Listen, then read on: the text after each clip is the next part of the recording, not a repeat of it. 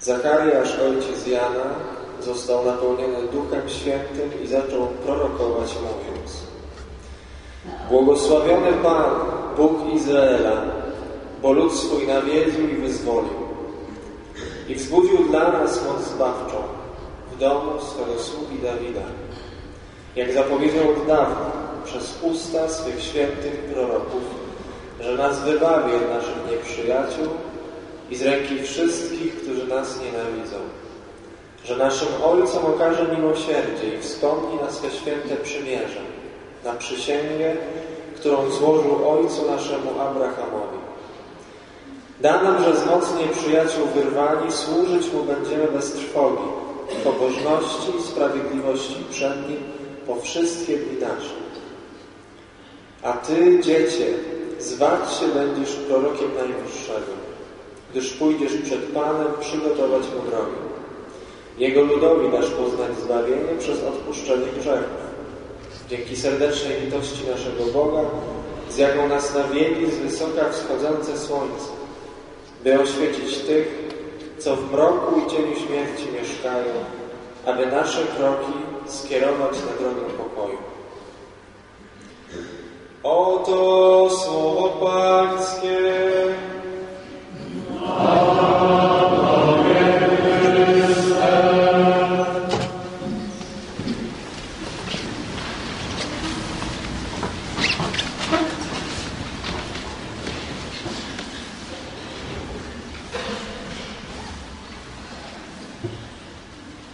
Kiedy popatrzymy dzisiaj na to pierwsze czytanie, Księgę Samuela, to zobaczcie, że ona prowadzi nas dzisiaj do domu króla Dawida. Wiemy, że jest to dom bardzo piękny, pałac cedrowy. Wiemy też, że ma on jeden słaby punkt. Jest to dom zbudowany ręką ludzką. Co to znaczy? To znaczy, że ten dom nie jest trwały, ale ten dom jest bardzo kruchy. Ten dom jest przemijający. I ten dom Dawida bardzo dokładnie opisuje ten dom, który opuściliśmy. Kiedy dzisiaj patrzymy z perspektywy na te domy naszych rodziców, dziadków, to dokładnie widzimy kruchość tych domów i przemijalność tych domów. Ale ten dom Dawida opisuje także i nasz dom, który dziś z takim trudem, wysiłkiem próbujemy budować, tworzyć. One także są naznaczone nietrwałością, skończonością i przemijalnością.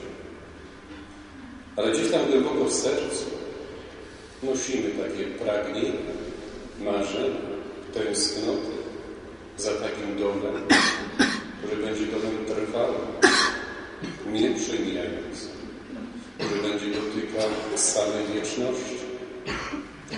I kiedy tak dobrze słuchamy się tę, tą księgę z Samuela, to usłyszymy w niej, wyczytamy z niej dobrą nowinę. Ta dobra nowina mówi, że to Pan da nam dom. Taki dom, który nie będzie uczyniony ludzką ręką, ale Bożą ręką. Taki dom, który będzie domem trwałym, nieskończonym i dotykającym samej wieczności.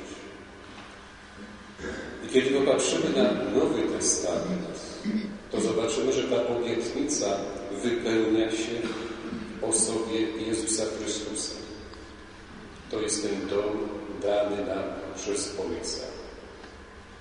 I kiedy my spotykamy Chrystusa, kiedy my idziemy za Chrystusem, kiedy my karmimy się Jego Słowem, ciałem, krwią, to my jesteśmy w domu, to my jesteśmy u siebie, to my jesteśmy na swoim miejscu, bo to jest dom dany nam od Ojca.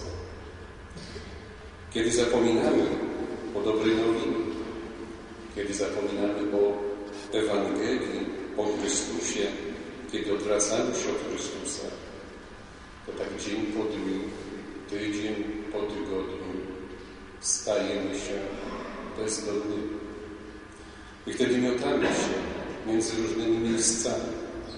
Od jednych miejsc uciekamy, drugie miejsca próbujemy jakoś opanować, ogarnąć, ale zarazem wciąż odkrywamy ich kruchość, przemijalność i na każdym miejscu mamy to poczucie jakiegoś niespełnienia, że to nie jest mój dom, to nie jest moje miejsce.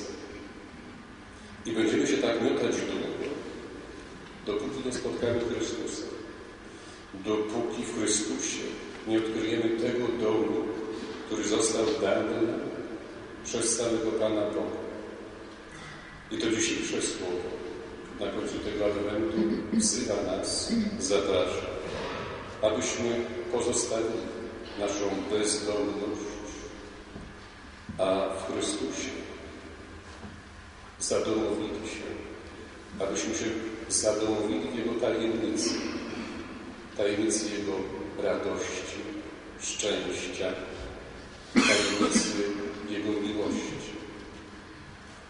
I te nadchodzące święta Bożego Narodzenia to są święta, które chcą nam przypomnieć, że my mamy dom i w tym miejscu, w tym domu jest miejsce dla każdego. I tylko w tym domu